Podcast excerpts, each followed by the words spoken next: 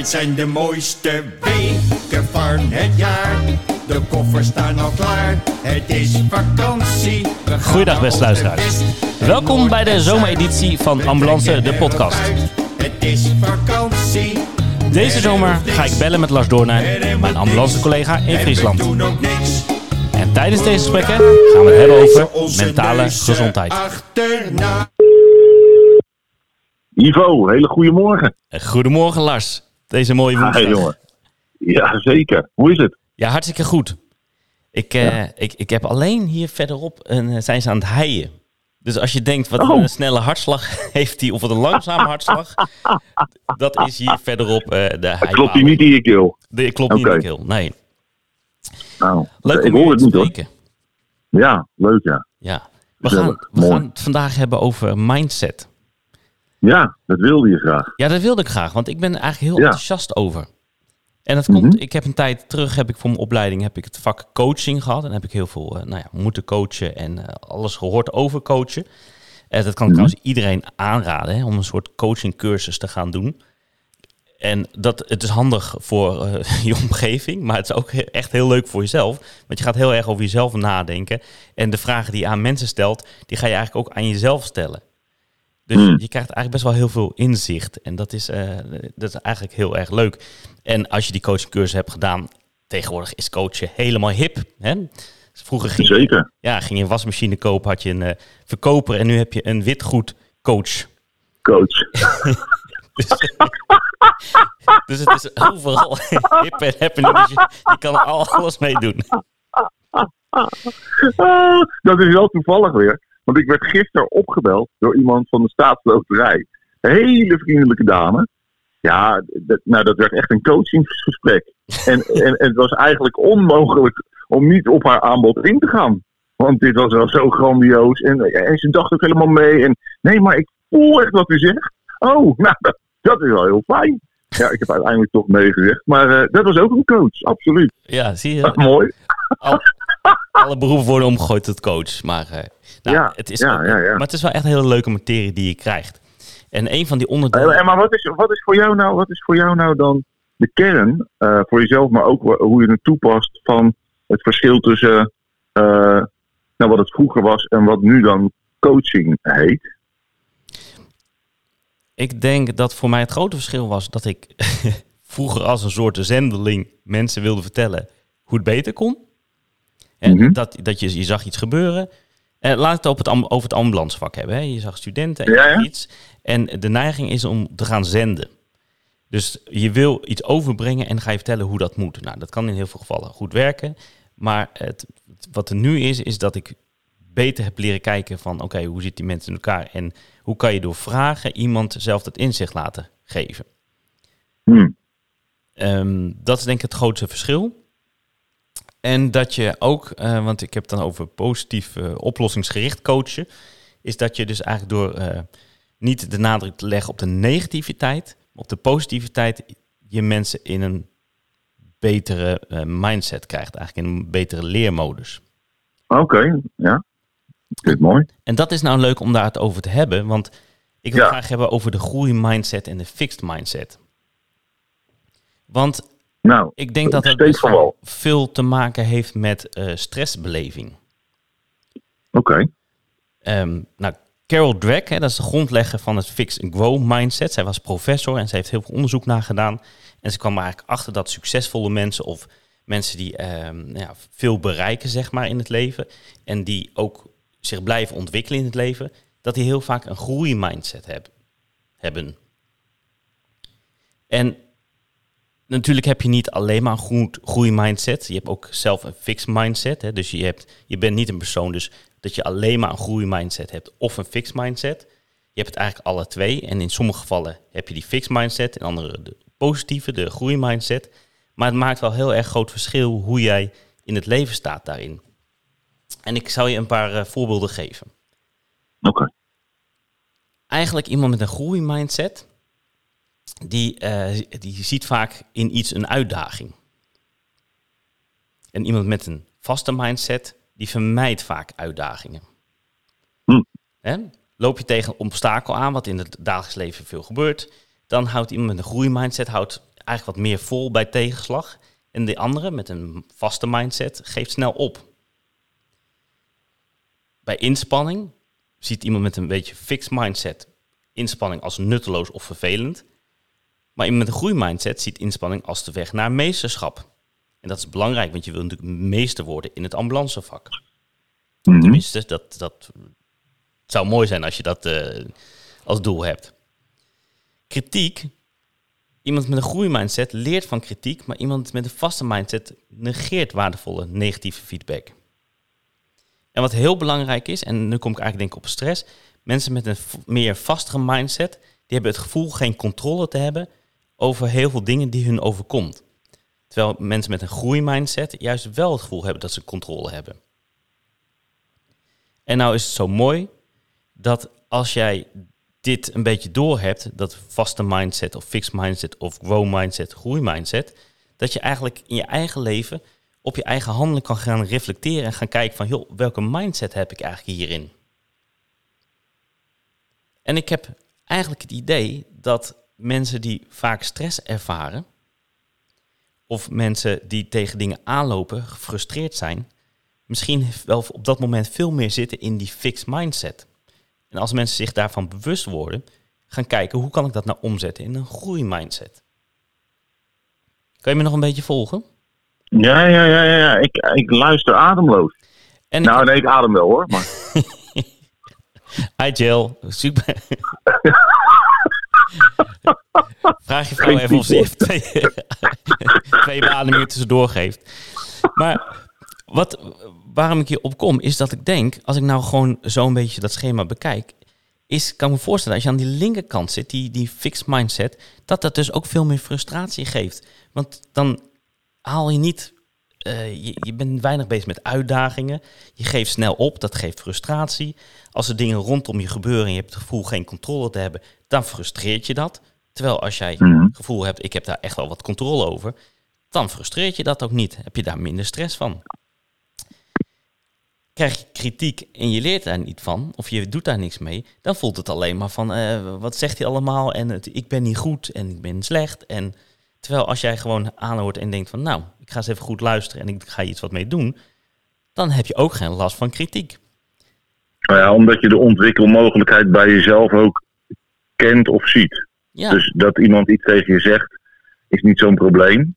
Hè? Stel, jij zegt tegen mij, eh nou Lars, dat, dat deed je echt niet handig. Zo, met die medicatie klaarmaken, zeg maar ja, Als ik, als ik dan een growth mindset heb, dan weet ik dat wat jij zegt kan mij verder helpen. Want ik kan groeien, ik kan ontwikkelen.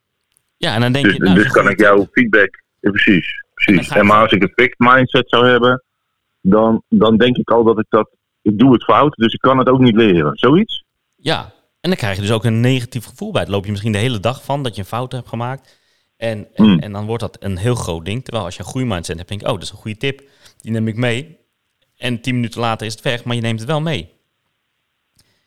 Ja. En dat is natuurlijk ook hetzelfde wat je ook in landelijk assessment, hè. Dus zie je ook wel soms dat mensen eigenlijk van tevoren al een fixed mindset hebben. En dat wil zeggen dat zij nu al denken van, oh ja, ik kan niet omgaan met zo'n assessment, want het is toch een toneelspel. En, ehm, en, en hoe heet het? Dat is onder druk. En als mensen naar me kijken, dan presteer ik niet. Mhm. Dat hoor je best wel vaak. Maar dat is een hele erg Ja, ja. vaste mindset.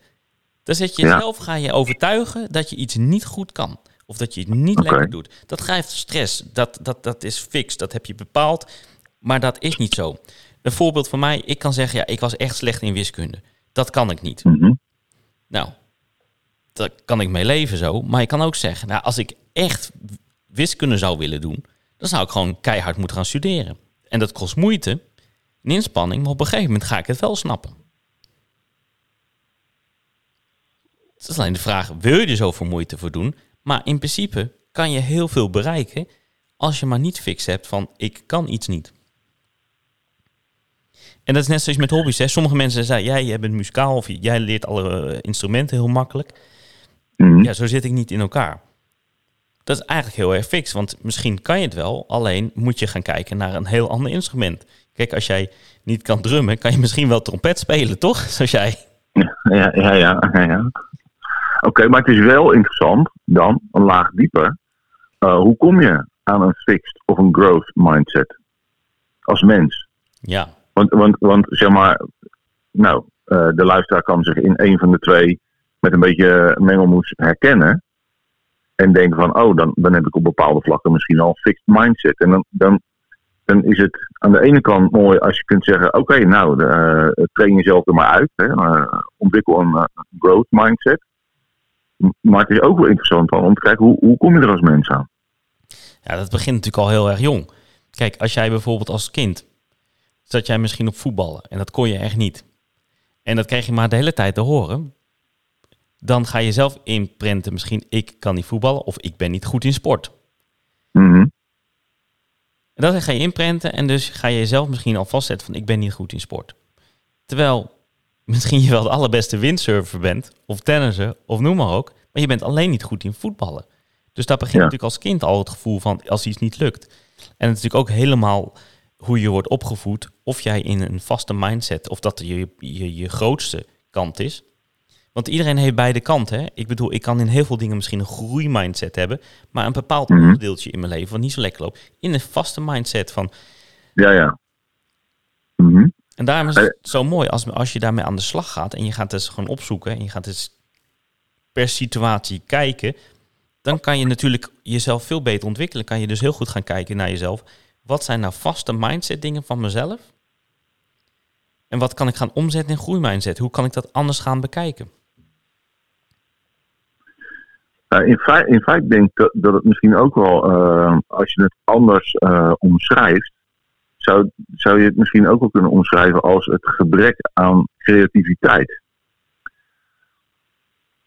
En dan bedoel ik niet, je bent nou eenmaal wel of niet creatief, hè? maar ehm, ik heb dat een keer eh, in een artikel geschreven. Dat een, een, ehm, een onderzoeker in, eh, in de jaren 60, die had daar een onderzoek naar gedaan. Dat een creativiteitstest ontwikkeld. Eh, zeg maar, voor de NASA was dat, om creatieve mensen aan te kunnen nemen. Om echt, echt de briljante geesten aan te nemen voor, voor het ruimtevaartprogramma. En dat werkte echt fantastisch. Ze, ze pikten echt precies de juiste mensen eruit. En toen, toen is hij gaan nadenken van, hé, hey, dan ben ik eigenlijk wel benieuwd hoe, hoe het dan bij kinderen is. Als, als mijn test zo goed kan laten zien of iemand creatief is, ben ik wel benieuwd hoe creatief kinderen over het algemeen zijn. Toen heeft hij 1600 kinderen ehm, onderzocht, voor vijf jaar oud. En 98% van die kinderen, die bleek echt geniaal creatief te zijn.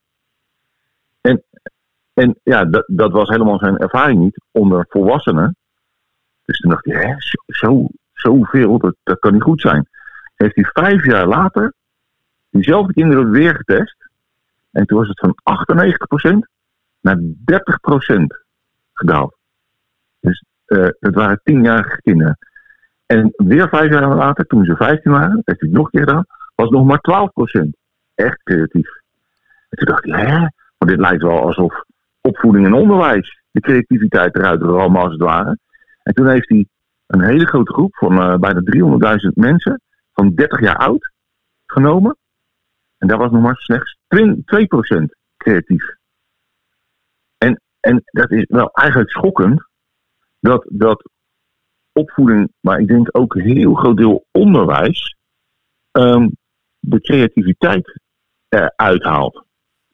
En als je kijkt naar wat creativiteit is, dan is het, dan is het eigenlijk dat je een nieuw idee, waarvan je denkt dat het waardevol is, dat je dat uit durft te proberen. Eerst door het uit te spreken of door ermee aan de gang te gaan, door, door iets te maken, door iets te doen, door een dansje eh, te bedenken, eh, door dat te laten zien, eh, weet ik wat, op school aan je ouders. Ehm, en, de, en de motor achter creativiteit is dan weer nieuwsgierigheid. Nou, als kind worden we dus nou, vrijwel allemaal nieuwsgierig en creatief geboren. En die eerste jaren zijn we dat ook.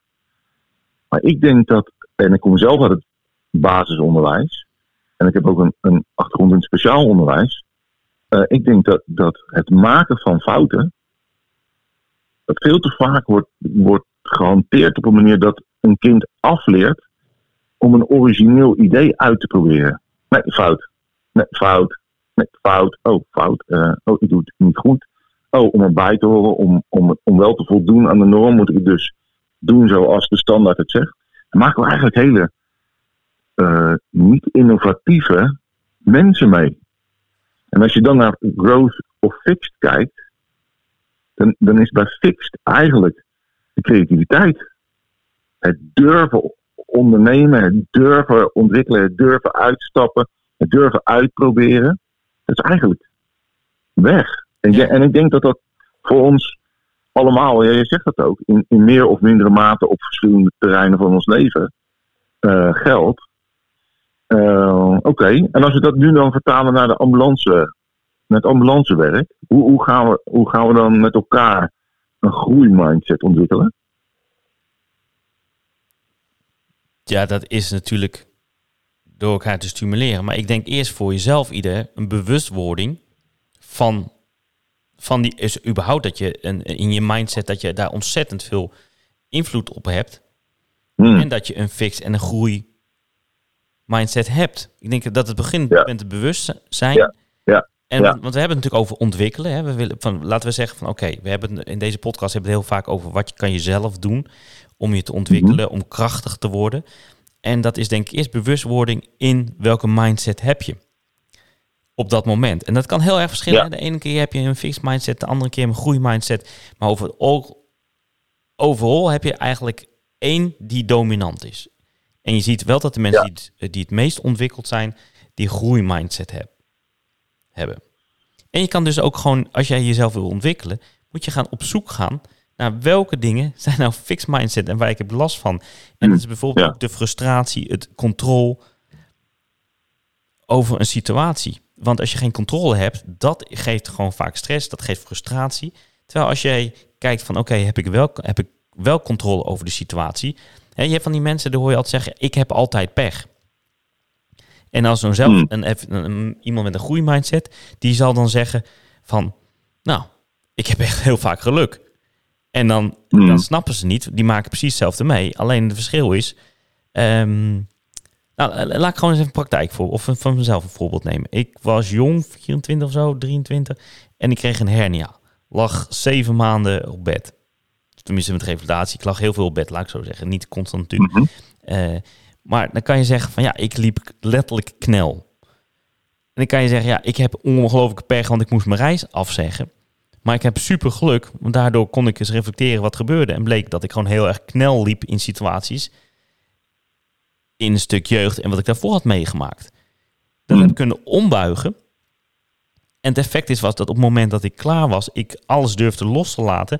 Mijn leven, ehm, wat ik daarvoor had, ehm, als het ware een beetje stopte. En daarmee ging reizen. En uiteindelijk ik bijna drie jaar eh, heb gereisd. En heel veel avonturen heb beleefd. Hmm. Dus een situatie maakt van iets wat niet fijn is, maakt daar of voelt dat als een cadeautje waar je heel veel van geleerd hebt. Ja, En zo denk ik, herkenbaar. ja toch? Ja. En een ander zou daarin misschien blijven van, ik heb het was verschrikkelijk en eh, wat ik heb meegemaakt en je gaat weer terug en dan doe je niks mee. En ja, is, dit was voor mij dan een typische groeimindset op dit moment, om er iets positiefs mee te doen. Ik kan me ook voorstellen dat, dat, eh, dat je als, als luisteraar, want het speelt natuurlijk, eh, ga even op Insta eh, kijken, dan heb je een heleboel mensen die, die je dit eh, vertellen. Hè? Ja. denk je leven mooi. En, nou. en ik kan me ook voorstellen dat als je wel heel veel frustratie kent in je leven, en ook, laten we het op het werk houden, in het werk, dat je denkt, ja hoor, daar heb je weer een omdenker. Ja hoor, het probleem is er niet, we maken er een uitdaging van. Mhm. En ik, ik denk dat het kan helpen ehm, als je ook elkaar eh, stimuleert om, om daarachter te kijken. Du- Dus ehm, als je het aan de oppervlakte bekijkt, dan, dan kun je in twee kampen terechtkomen. De positivo's en de, en de mensen die zichzelf realist noemen. En eh, dat zou ook jammer zijn.